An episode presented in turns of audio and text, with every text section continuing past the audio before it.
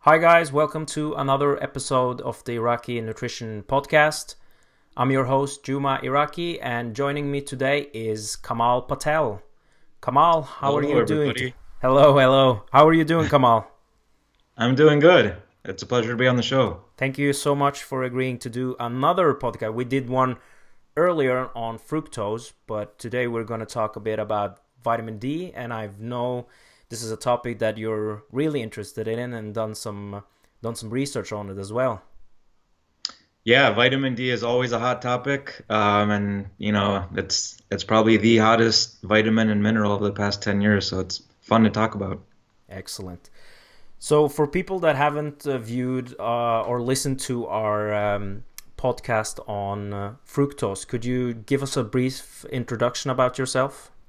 Sure. So I'm a nutrition researcher. I run the website examine.com.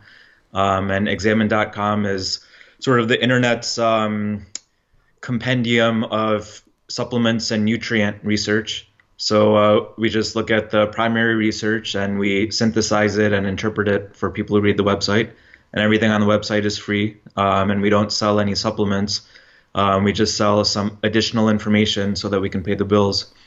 Um, and as a nutrition researcher, I used to be, um, you know, interested personally for sports supplementation uh, as I was a wannabe powerlifter. Um, and I guess that was maybe around 20 years ago. And then uh, more recently, it's been in terms of health. I guess, you know, as everybody gets older, they're more interested in their health and their children's health and whatnot. Um, so that's that's what I do. I read studies all day long.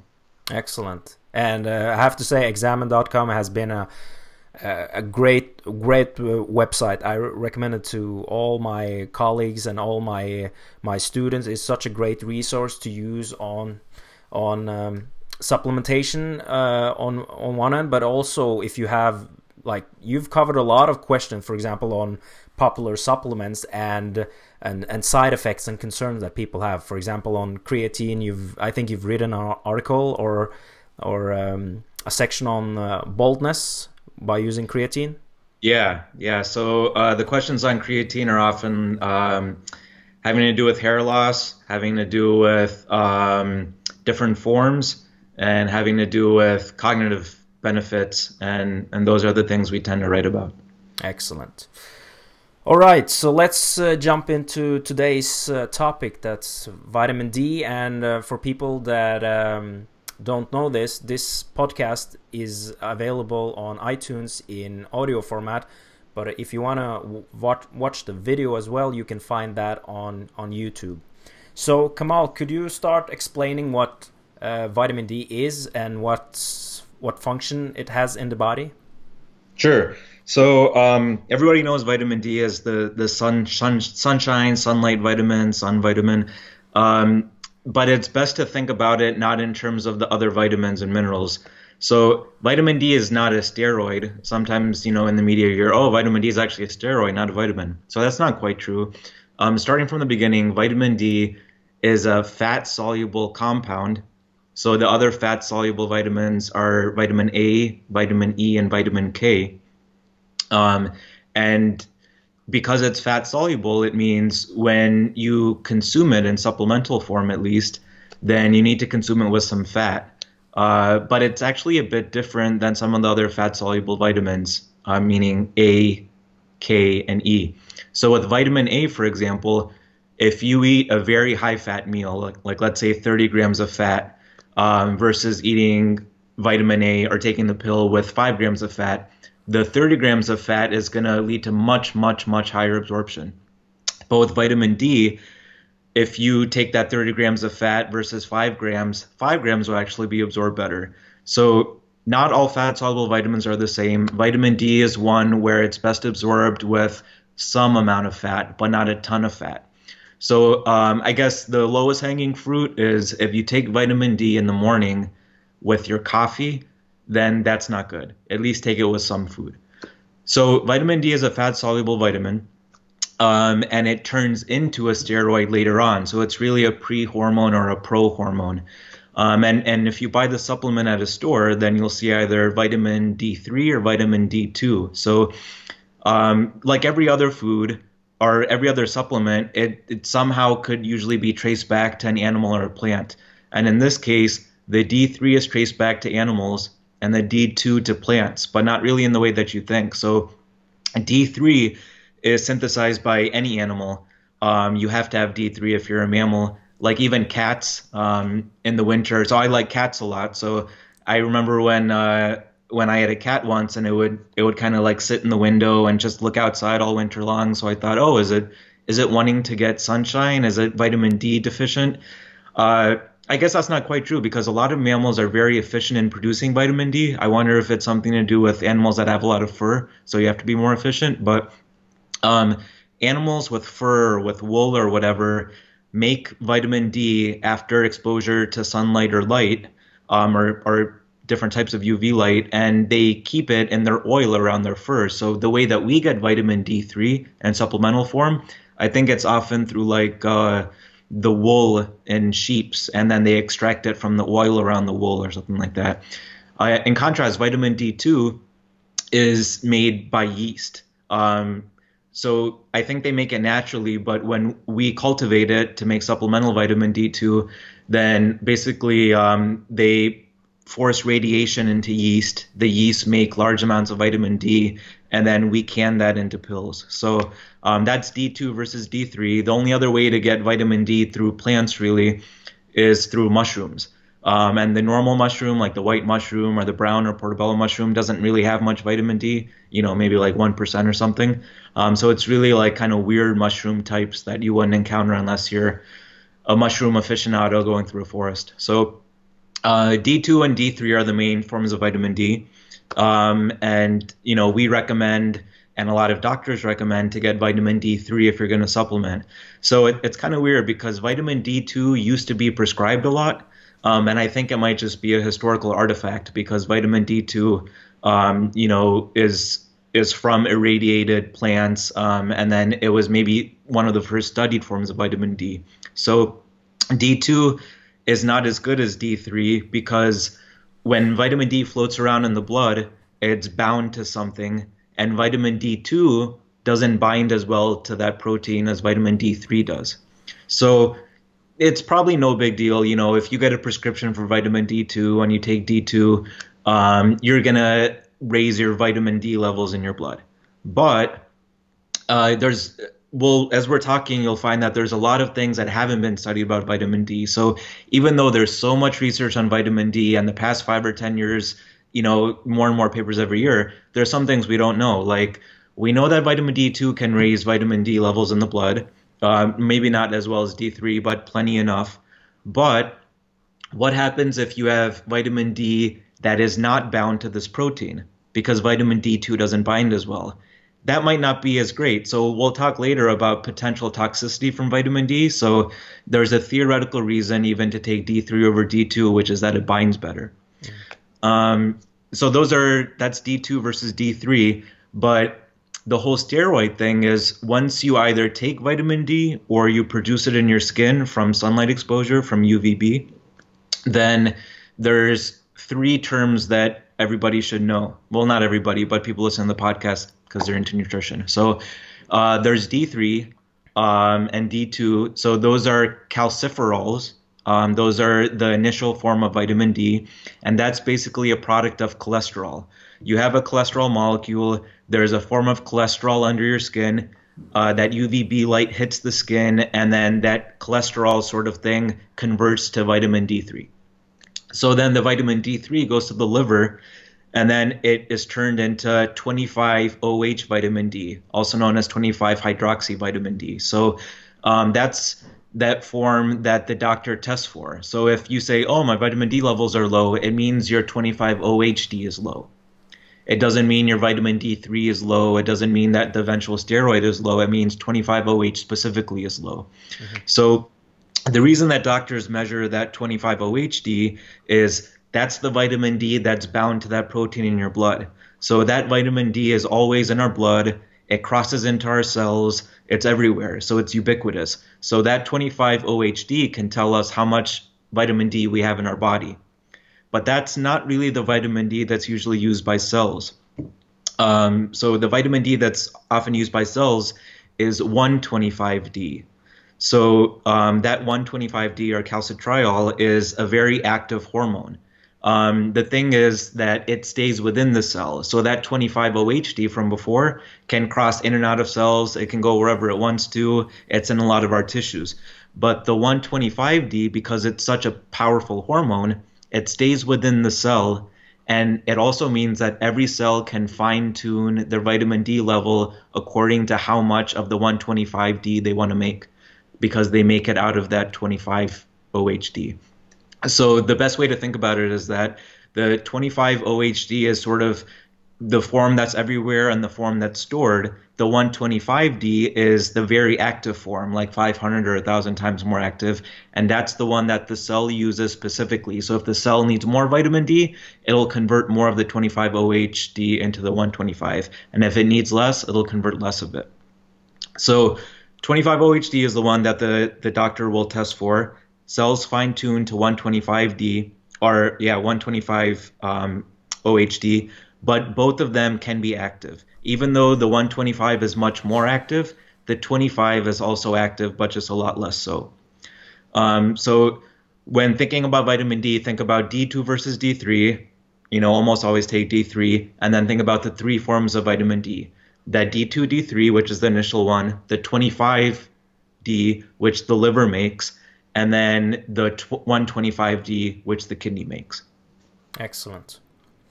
Now, uh, a question that often people ask when we're talking about vitamin D2 and D3 is Was there ever a vitamin D1?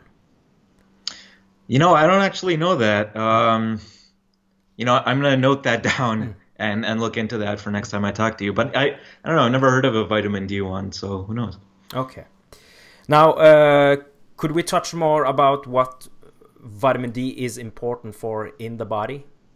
Sure. So vitamin D is currently known as the bone vitamin, um, but that's that wasn't always the case. So um, if you look back at the history of vitamin D, vitamin D wasn't always a good thing um, because uh, vitamin D can be very powerful because it eventually converts to hormone. But if you think about other vitamins that are associated with hormones, like vitamin A um, and vitamin D, are both vitamins that can affect how genes make proteins. You know, so they affect hormones basically. Um, so anytime you can affect genes making proteins, it could be good you know, if you have optimal levels, or it could be bad if you have too little or too much. So there was a time, I don't know if it was the 20s or 1930s or something, when vitamin D was seen as bad because it could be really toxic. Um, and the way it's toxic is um, there's only really a couple ways to get too much vitamin D. You can't get too much vitamin D from the sun uh, because after a certain point, uh, usually a max of about 20,000 IUs, um, the vitamin D is essentially destroyed. So you're capped off at how much vitamin D you can make. And in addition, you start synthesizing less vitamin D the more often you get sun exposure. So you basically don't have to worry about getting too much vitamin D from the sun. But you can get too much vitamin D from supplements. And you can get too much vitamin D if you eat very, very specific animal products. So vitamin D wasn't always a good thing, but now it's seen as good because it's important for bone health. Um, but it's possibly more important for things like immune health. And also, there's this big category of things we don't really know about, and that includes cancer and heart disease. So, um, if I had to say, uh, you know, if you're talking to your friends or family about vitamin D, then the first thing you would want to do is think about if you have any, you know, women in your life, older women, and are they taking calcium supplements? So if you're taking a calcium supplement and you're a postmenopausal woman, then basically taking a moderate to high amount of calcium could be the worst thing you're doing for your health. Um, and that's because arterial calcification, so getting excess calcium in your artery, um, is a much better predictor of if you're going to have heart disease and heart attack than any individual cholesterol measurement. So you know, cardiologists will get a coronary calcium score because it's so well correlated to heart attacks and dying from heart attacks. And one way to get too much calcium in your artery is by eating too much calcium. So it's hard to eat too much calcium from plants and animals because a lot of the plant sources of calcium also have calcium absorption inhibitors. Um, and it's hard to get too much calcium from animals because most people don't eat a lot of bones. You know, even if you like drink a lot of bone broth, um, it doesn't have that much calcium in it. You really have to like eat a lot of soft bones, like from you know canned fish or whatever, um, or take a lot of supplements. And a lot of older women are just taking a ton of calcium supplements because uh, they get a diagnosis of osteoporosis or osteopenia before osteoporosis and they panic. So they start taking calcium in the pill form. They get calcium in their chocolate chewy dessert type thing. They get calcium through their fortified foods. Um, and then orange juice often has calcium now. So when you add all that up, it's just too much calcium. And if there's one thing that researchers know is that there's a very reliable effect of moderate to higher calcium supplemental intake and higher risk of heart attack and death from heart attack, especially in postmenopausal women.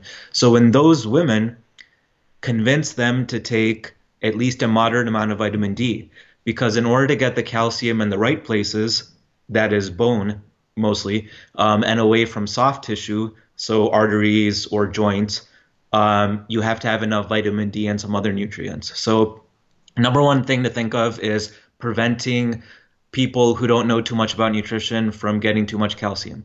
Um, and then everything else is sort of secondary. And I'd say the number one thing out of those secondary things is immune health. So um, the there's conflicting evidence about different sorts of like you know cold versus flu versus tuberculosis versus other immune related things. But if you look at some of the the best and largest trials, like there was a trial in uh, in a nursing home in Wisconsin a few years ago that showed that the only difference between one year and the next is that the medical director, whoever gave the um, people at the nursing home some minimum amount of vitamin D. It wasn't a huge amount, 400 IU's, 1,000, I don't remember what. But the number of flu cases went down from something like, you know, uh, 0.5% or 1% to almost zero. So that's very important because the fewer older people who get flus, not only do the fewer young people get flus from hanging around them, but if you're older or immune compromised, you can die easily from a flu. You know, much more people than a lot of other conditions.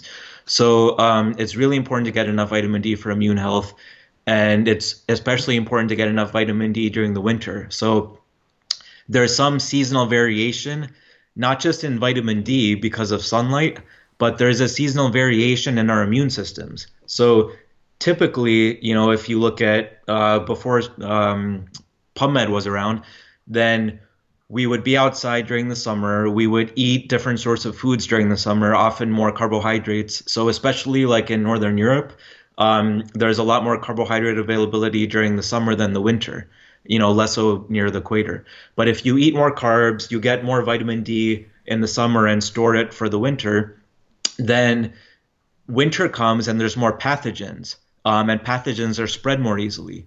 So you don't get a cold from being in the cold, but it makes pathogens spread more easily. So in the winter, vitamin D would do its thing. It would um, improve your immediate immune response, uh, but it also dampens the adaptive immune response. So what that means is that it's good for stopping pathogens from crossing through the intestine or through the mucous membranes. Um, but it also conversely dampens the adaptive immune response, which is the immune response that can get overactive in autoimmune conditions. So that explains both vitamin D helping colds and flus, and also vitamin D potentially helping autoimmune conditions like multiple sclerosis. So basically, vitamin D is extremely important for immune health, and it's probably even more important for immune health than it is for bone health. Excellent. I just want to touch uh, on the, the thing that you mentioned about uh, calcium. You mentioned that um, elderly people that are taking a lot of uh, calcium supplements. Uh, mm-hmm. and you and you mentioned moderate amounts. What are we talking about in amounts? If you have any numbers on that, um, you know, it varies a lot because like my my orange juice that the last orange juice I bought, I think it had like maybe 100 milligrams or something, mm-hmm. and I don't. That's not like a ton, but it's a lot when you're adding it to to other stuff. Um, and those chews, like in the U.S., the most popular one is a Viactiv chew. I don't know if each chew has 50 or 100, but women will sometimes like eat three or four of them. Mm-hmm. Um, and then the cereal here, like uh, Total or Product 19, are the ones that have a lot of vitamins and minerals, have 50% of the recommended daily allowance for calcium. Mm-hmm. So it's really a ton of different sources adding up.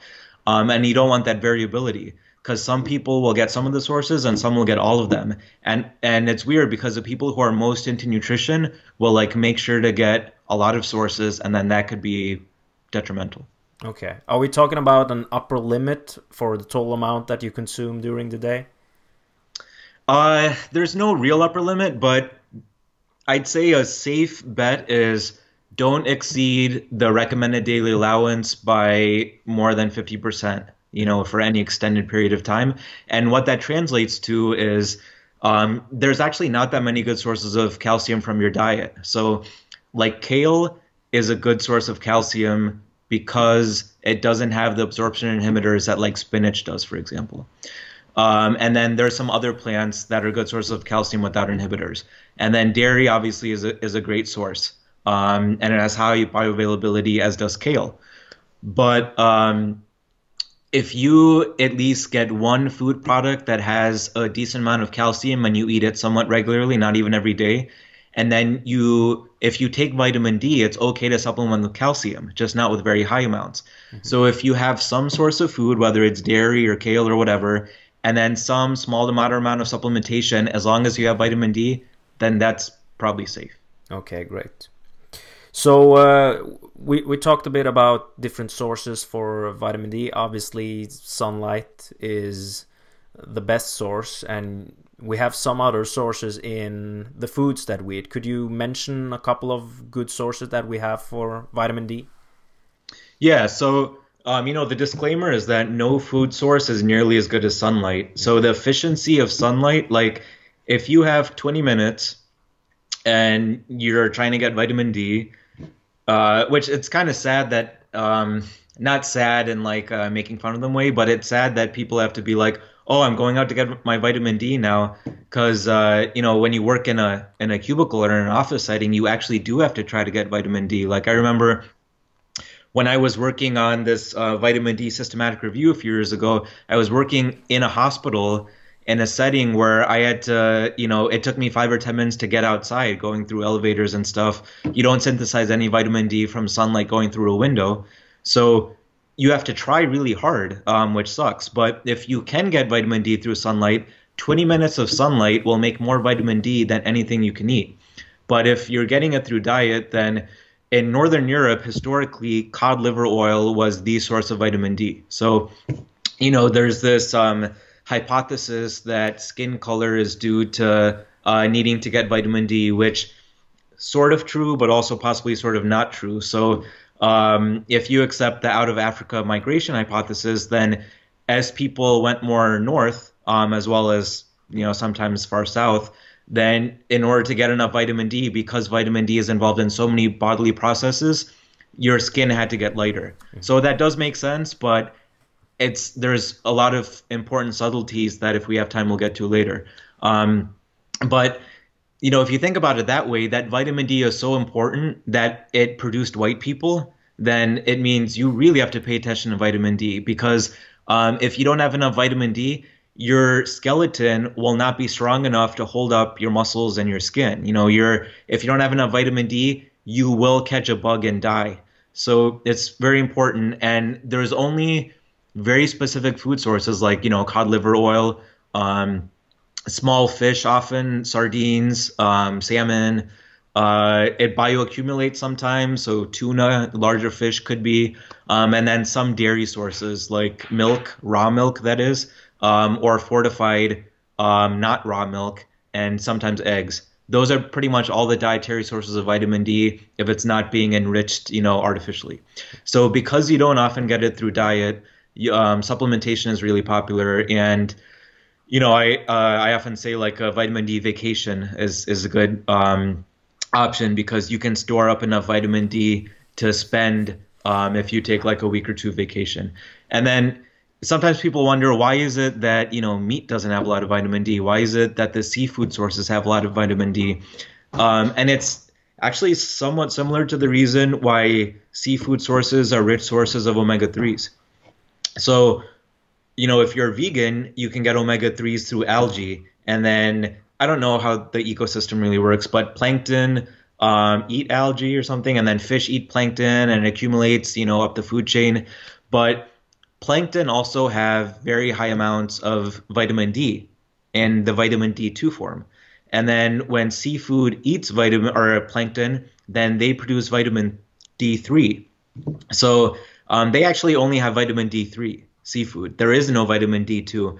Um, and if you analyze their blood, then they don't really have any vitamin D2. And you know, I don't know if researchers really know why, but um, seafood is all D3. So when we eat seafood, just like we get straight up EPA and DHA from omega 3s, we get straight up converted D3.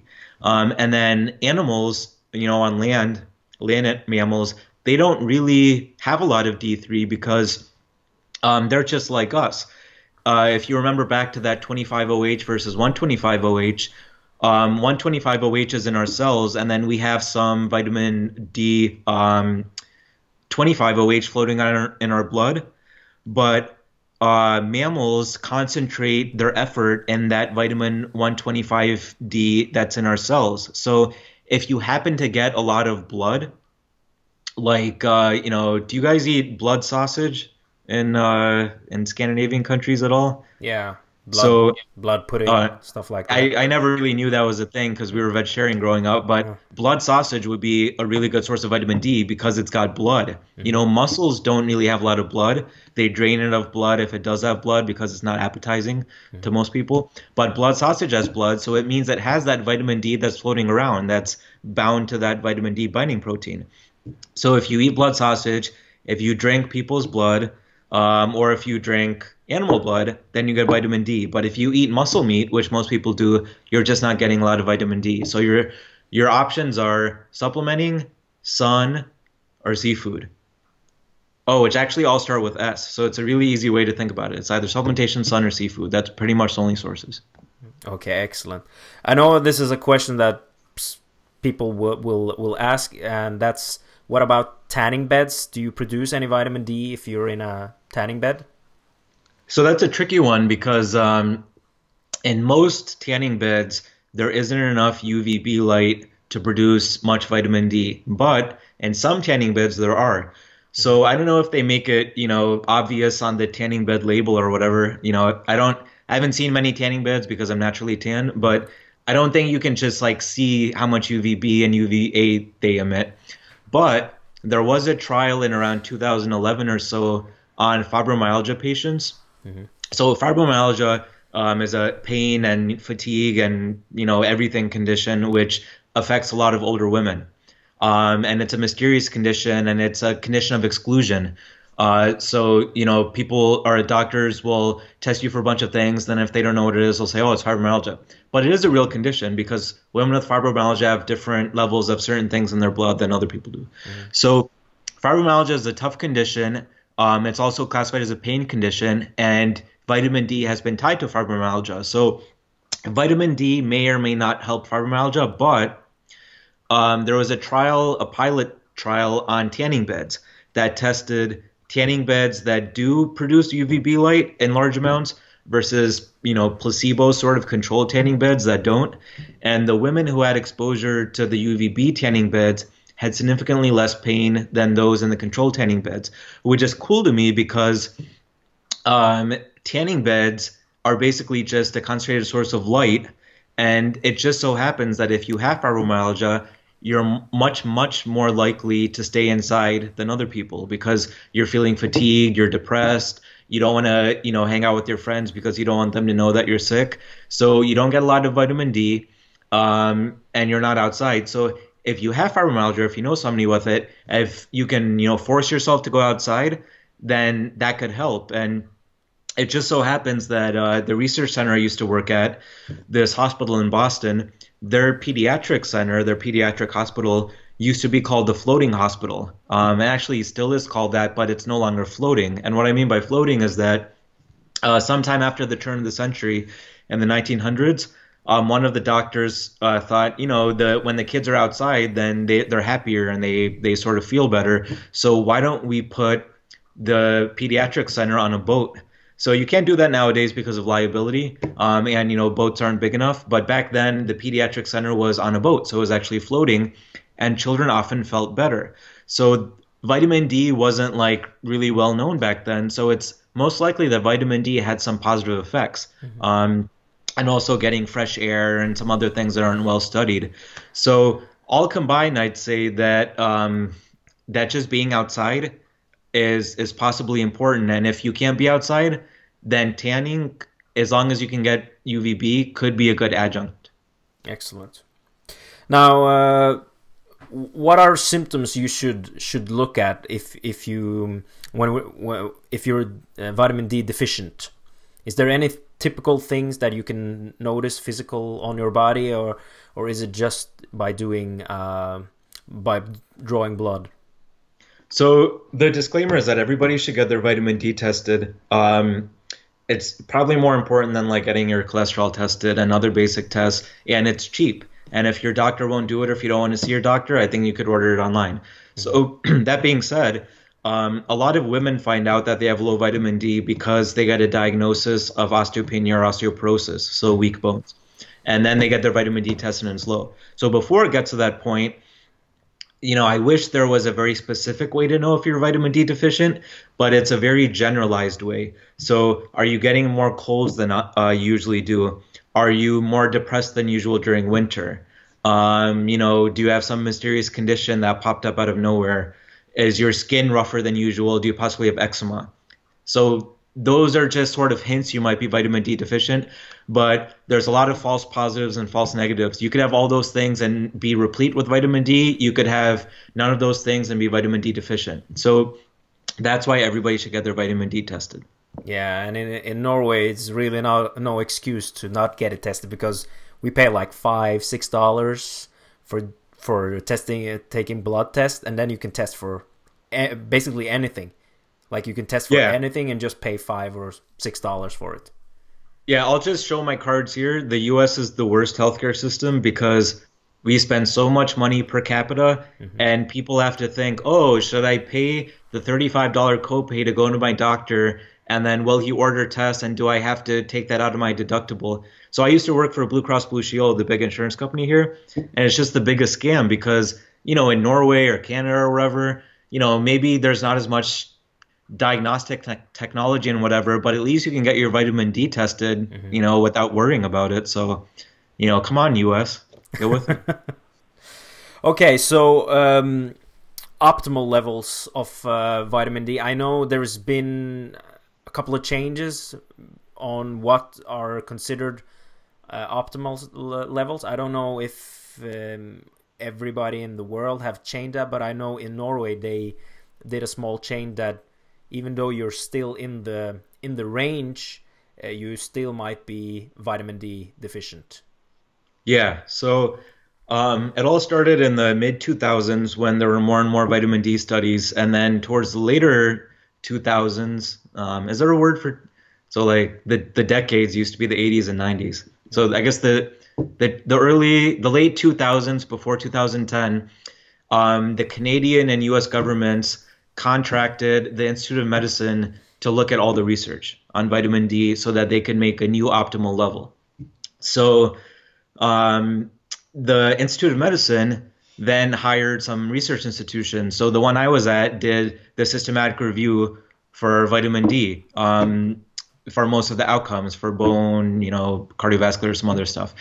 So um, then the end result was that the recommended daily allowance went up to 400 um, IU's, and then what's trickier is the optimal range when you get tested. So the reason it's tricky is that the range is very broad, and everybody is actually quite different as to what is optimal within there. Um, and it's somewhat dependent on, you know, your ancestry, and it's somewhat dependent on your disease state if you have any conditions. So, in, in general, I'd say somewhere between 30 and 40 nanograms per milliliter um, is usually a pretty good level for most people to have. So um, that's another thing about the U.S. We use nanograms per milliliter, and literally everybody else in the world uses uh, uh, what is it, nanomoles per liter. Yeah. So uh, the conversion is something like 2.2 or 2.3. So 40 nanograms might be 90 or something.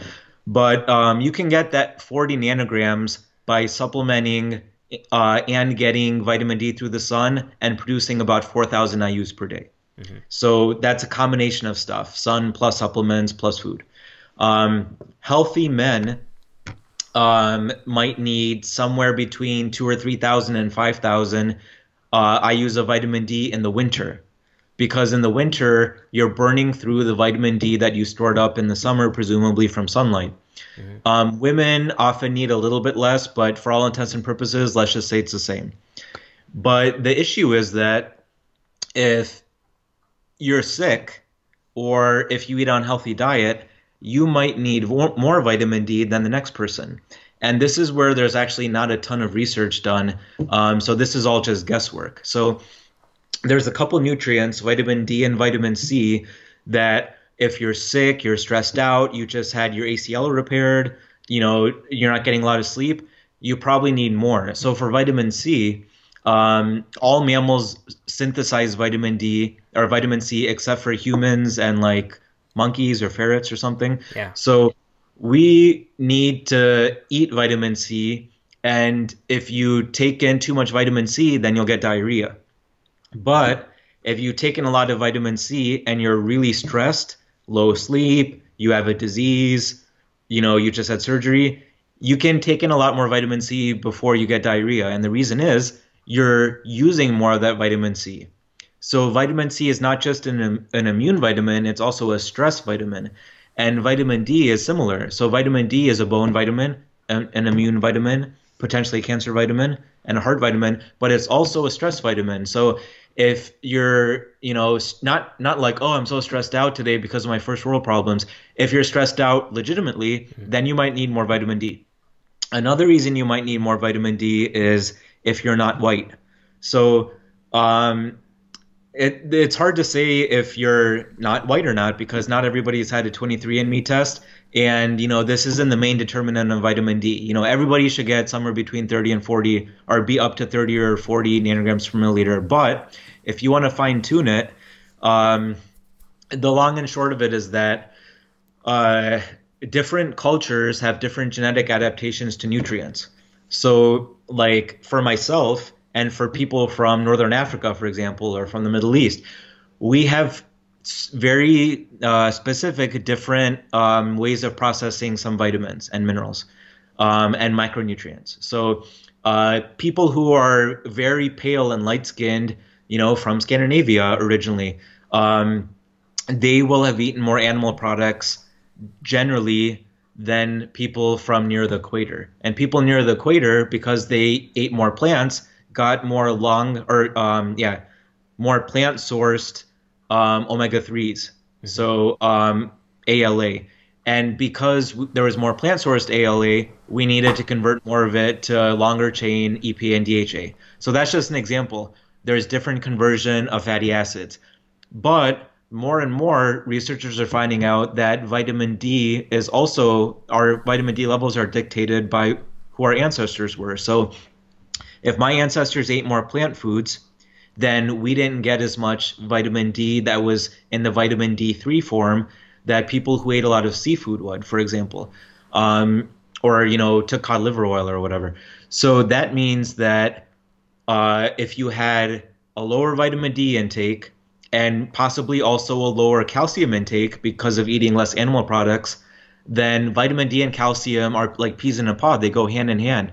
So if you both need to get more calcium into your bones and you need to boost up your active vitamin D level, then you will process vitamin D differently. And it turns out that people who aren't white usually need less vitamin D because they're a bit more naturally prone to convert the inactive vitamin D into that active form and thereby get more calcium absorbed through our intestine and more calcium into our bone.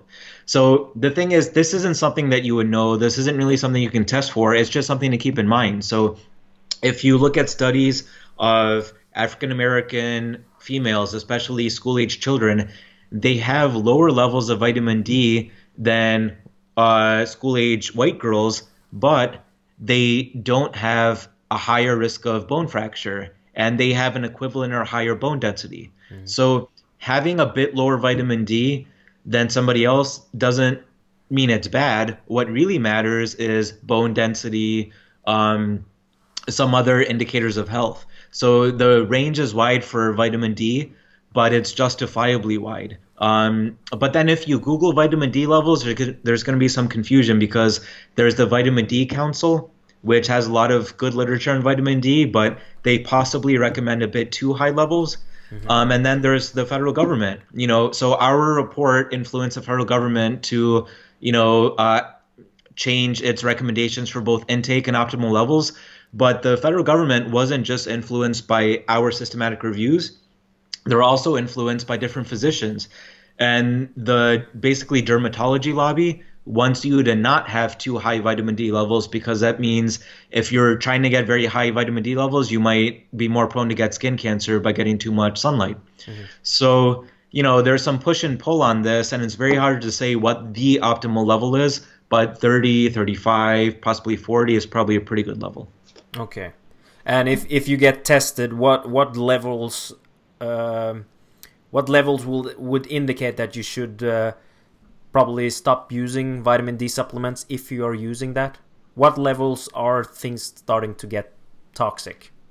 So, um, one way of looking at it is because you're not going to know if things are toxic because like researchers barely know vitamin D toxicity based on case reports and you know some side effect uh, analyses. So one way to think about it is you probably shouldn't get more vitamin D in your blood than people who are outside all the time. So those people are lifeguards, uh, people who work on farms, people in uh, tribal villages who don't wear much clothing. So those people tend to have vitamin D at around like 45 nanograms per milliliter, possibly 50. Um, so you don't want to have higher than that hmm. because then you're just playing with fire. Um, but then the other reason is there's an actual like side effect reason. So like just recently in our research digest, we covered an article about vitamin D and hypercalcemia. So vitamin D can help you get calcium into your bones and away from soft tissue, but it also somewhat requires vitamin K2 to do that. Hmm. So if you take a lot of vitamin D and you're not getting a healthy diet with some other nutrients, then you could get so much vitamin D that you're developing kidney stones or you're developing hypercalcemia. So, um, for example, lifeguards in Israel often get kidney stones, and it's because they get so much vitamin D exposure, and they get much more kidney stones than the typical person. Mm-hmm. Um, and then outdoor workers in India, often in southern India, they get heart attacks a lot more than people who don't work outside. So there's a lot of confounders because people who work inside tend to be richer than people who work outside, and they eat different diets. But um, humans are not really, you know, like I love the sun, but even I know that being outside in the sun every day is not really that healthy because humans don't have fur to protect them. Uh, you know, we synthesize vitamin D very easily, and we get skin cancer pretty easily.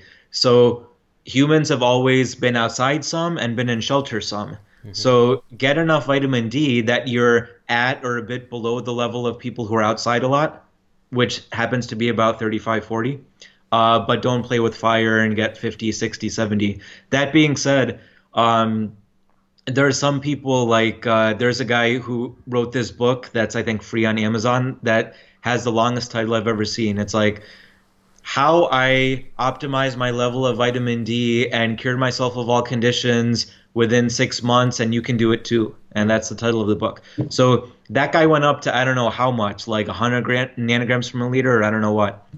So I don't recommend you go up to that level.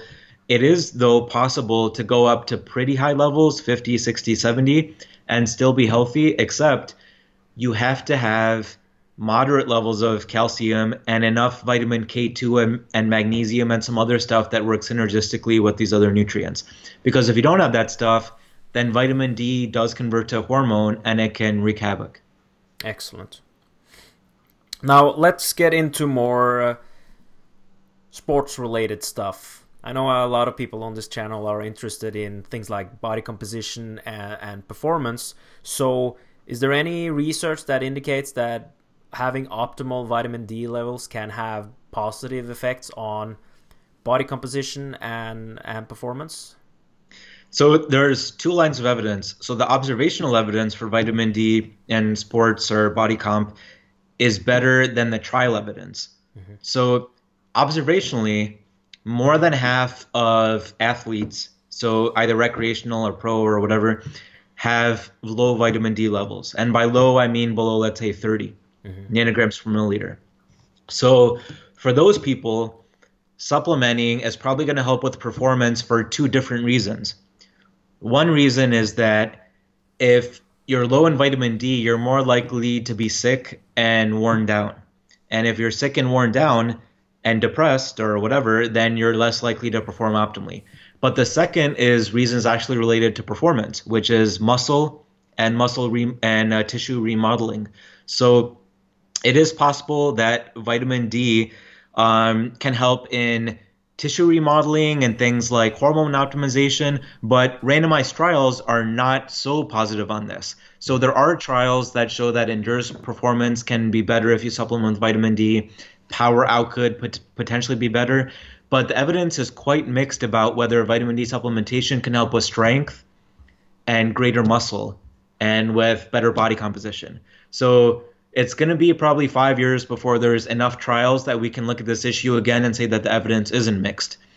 But even then, I'd say it's hard to draw a conclusion because um, when you look at something like does vitamin D help sports or does vitamin D help weightlifting, then you have to look at more than one study because there's been more than one study and there's more than one type of you know sports. Mm-hmm. There's like you know I'm a bodybuilder, I'm a powerlifter, or I'm a rower, or I'm a marathoner um, or I'm an elderly person just trying to optimize my muscle. So if you look at all those studies, you basically have to do a meta-analysis or a systematic review. Meta-analysis is the quantitative pooling of data. Systematic review is the thorough looking at all the studies um, in a systematic way. So the issue with that is that when you do a systematic review, so there was a great one done by um, Brad Dieter and Dylan Dahlquist um, on vitamin D and sports performance. Um, and systematic reviews are great, but when you do a meta-analysis, I am not sure if they did one, probably not, but um, the good part is that you do pull together all the studies. But the bad part is that you get one number, but that number can lose a lot of detail. Mm-hmm. You know, what's important in does vitamin D help sports performance and body comp is not what all the studies say, because it's like saying, oh, uh, if you look back at human history, are humans dumb or smart? Well, okay, you could say overall no, or you could say overall yes. But what does that answer say? Nothing. Mm-hmm. You have to look at each specific decade or each specific war or whatever. And if you look at each specific study, you get granularity. So, um, you know, like Brad Dieter's uh, systematic review, um, I don't think it had a meta analysis, but let's just say it did. There's even a level above meta analysis, which is called umbrella review. And there was an umbrella review done a few years ago by the same guy who did the um, 90% of medical findings are wrong study. Mm-hmm. Um, and he used to work at our research center. He's a really smart Greek professor. Um, and that, that 90% of medical findings uh, paper was super influential. But I think that the vitamin D umbrella review that he did is a bit misleading. Basically, what it said is that vitamin D evidence is not as good as you would think. And uh, the evidence actually doesn't show that it has many benefits at all. Um, you know, including for sports performance, including for whatever, and that it does possibly help with bone fractures, but that's it. So I think that's flawed because when you're doing a meta-analysis, you're losing granularity of individual trials because patients are different, doses are different. There's just a background diets are different, sun exposure is different, genetics are different, so many things are different. But if you do a meta-analysis of meta-analyses, an umbrella review, you're not just losing the granularity of the trials, you're losing the granularity of the meta-analyses. So at that point, like, why are you even doing a meta-analysis of meta-analyses? Because it's not telling you much. Mm-hmm. So if you say, oh, vitamin D isn't shown to help cancer, that doesn't mean anything because a no nutrient is really going to be shown to help cancer because cancer is slow developing. Mm-hmm. So you would have to have a trial over like 10 or 15 years to show any effect. And there's going to be a total of like two trials that are that long because they cost, you know, tens of millions of dollars. Um, and second is that, you know, vitamin D is important, but like I said, vitamin D in isolation supplementation doesn't mean that much. Vitamin D supplemented with vitamin uh, K2, with magnesium, with optimal levels of calcium, that trial could show you if vitamin D really helps sports performance or cancer. So nutrition is much more complicated than even like a nutrition researcher would know. You really have to be somebody who researches nutrition research to know what what the studies can tell you. And what I would say is that don't look at the studies directly and rely on those for vitamin D and performance. Look at those, but also think about vitamin D in general. Uh, knowing that over half of athletes are deficient in vitamin D and knowing that vitamin D helps helps immune health and thinking back to when you've made gains or not made gains in the gym you know was it when you were taking some random supplement or was it when you were feeling good? You know when you were getting enough food when you weren't getting cold all the time mm-hmm. um, it's probably the latter. So that means you have to have sufficient levels of vitamin d because it's the central nutrient for feeling good. Um, not just for uh, you know immune health and for not being sick but there was just a trial showing that vitamin D helps major depression. So not necessarily like you know minor depression or whatever it's called, or episodes of depression, but people who are so depressed that it's either you know get electroconvulsive therapy or you know there's not many options. So vitamin D helps that. You know that it's important for other stuff. So yeah, I would say vitamin D is important for performance and body comp, even if it's not fully fleshed out in the literature yet. Excellent. I know that it's been a, a, a, focus in the sports nutrition world to um, get athletes to have sufficient vitamin D levels based on what you just said that a lot of athletes are uh, deficient but at some point it seems that some athletes took it a bit further uh, because yeah. they were told that vitamin D having optimal vitamin D levels is good so the first thought they thought it was if this is good, more uh, needs to be better. And I remember I was at the ISENC conference in Newcastle last year. Uh, Professor Close did an excellent uh, talk on uh, vitamin D in athletes, and I think he mentioned that you should probably not go above. Um, 100 nanomoles per liter that was his okay. Uh, his uh, recommendation and I think it was optimally it should be between 75 and 100. That was the optimal range that he mentioned during his uh, during his talk. Yeah, so it makes sense because not just other health stuff, but we don't actually know what high vitamin D levels does in muscle. Mm-hmm. So the studies that have been done on muscle, you know, other than like give give a population 400 IUs of vitamin D and see if they perform better, the actual muscle studies have looked at what happens when you subject muscle cells directly to vitamin D. Mm-hmm. And we don't know yet if very high vitamin D might suppress part of the muscle repair process. And this is analogous to like 20 years ago, we didn't know if vitamin C and E suppressed um, recovery from a bout of exercise. So right now, we don't know vitamin D does. The difference is that vitamin C, you know, you pee it out. So if you suppressed your recovery from a week's worth of workouts, who cares?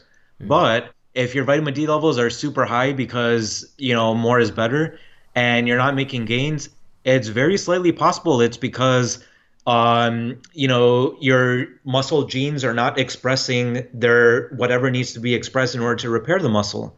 We just don't know yet. Yeah, exactly.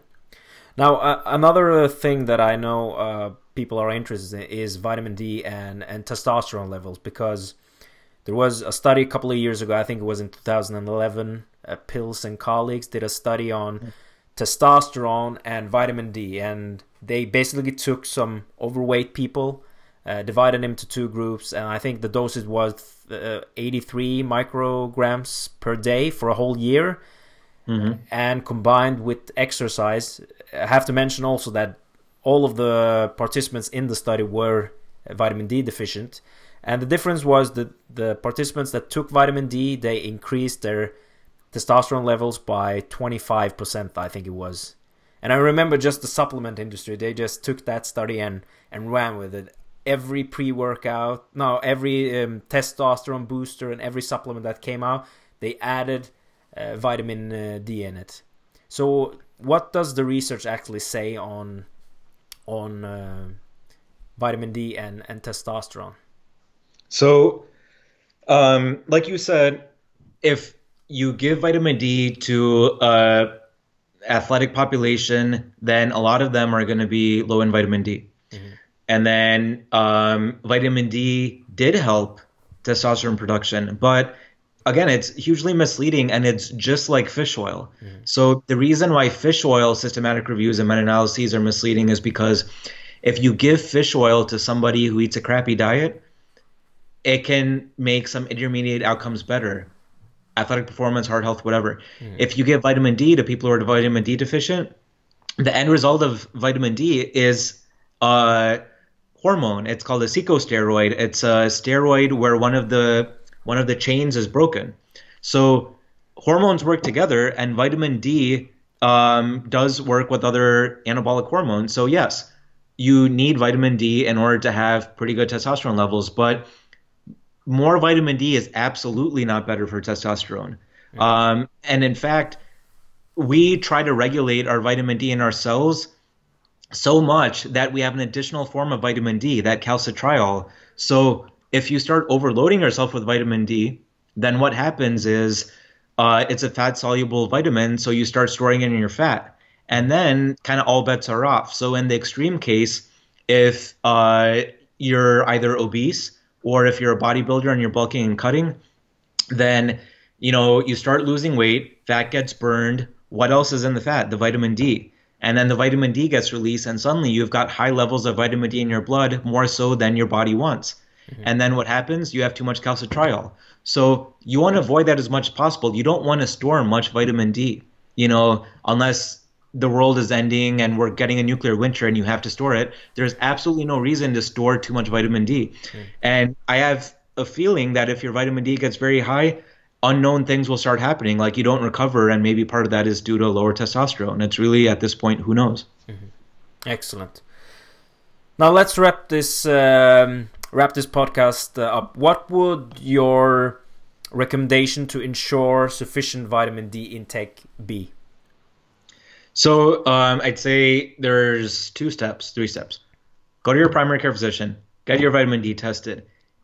If it's in the teens, uh, nanograms per milliliter, then take vitamin D supplement.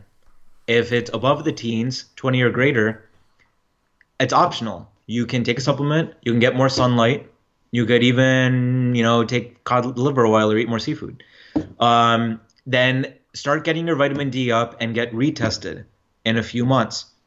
And if you're at 30, 35, great. If you're at 40, again, great. 42, 43, good. If you're at 45, it's okay. But then if you start feeling different or if, you know, because research doesn't know everything about vitamin D, especially side effects, you have to listen to your body. So if you're at 45, if you're at 50, if you're at 55, 60, 70, then pay attention to your body and have a specific reason why you want to go that high in vitamin D. If you read some paper that showed that high levels are medicinal for some reason, you know, I haven't read every paper. If you happen to read one, then make sure you get there safely. So to get there safely, the synergistic nutrients are calcium in a moderate amount, vitamin K2 in a large amount, and uh, zinc and magnesium. You have to make sure that those are plentiful, and if not, vitamin D could be harmful. So once you reach that 30, 40, then maintain it. Um, supplement with thousand IU's or two thousand IU's or you know whatever you need to maintain it.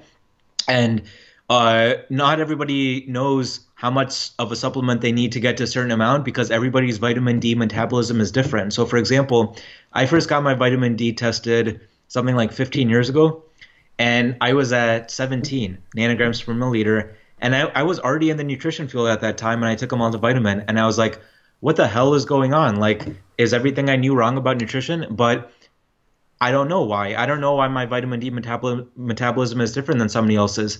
So, vitamin D metabolism and synthesis through sunlight differs depending on the person, which really, really means you have to get tested.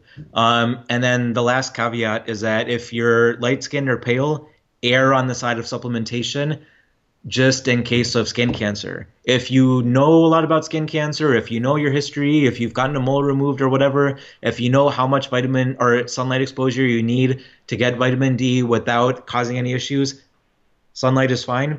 But I know some people who are essentially allergic to the sun. Supplements are a safe way to get vitamin D then. Excellent. All right, Kamal, thank you so much for uh, doing this great uh, podcast. Where can people find more information about you?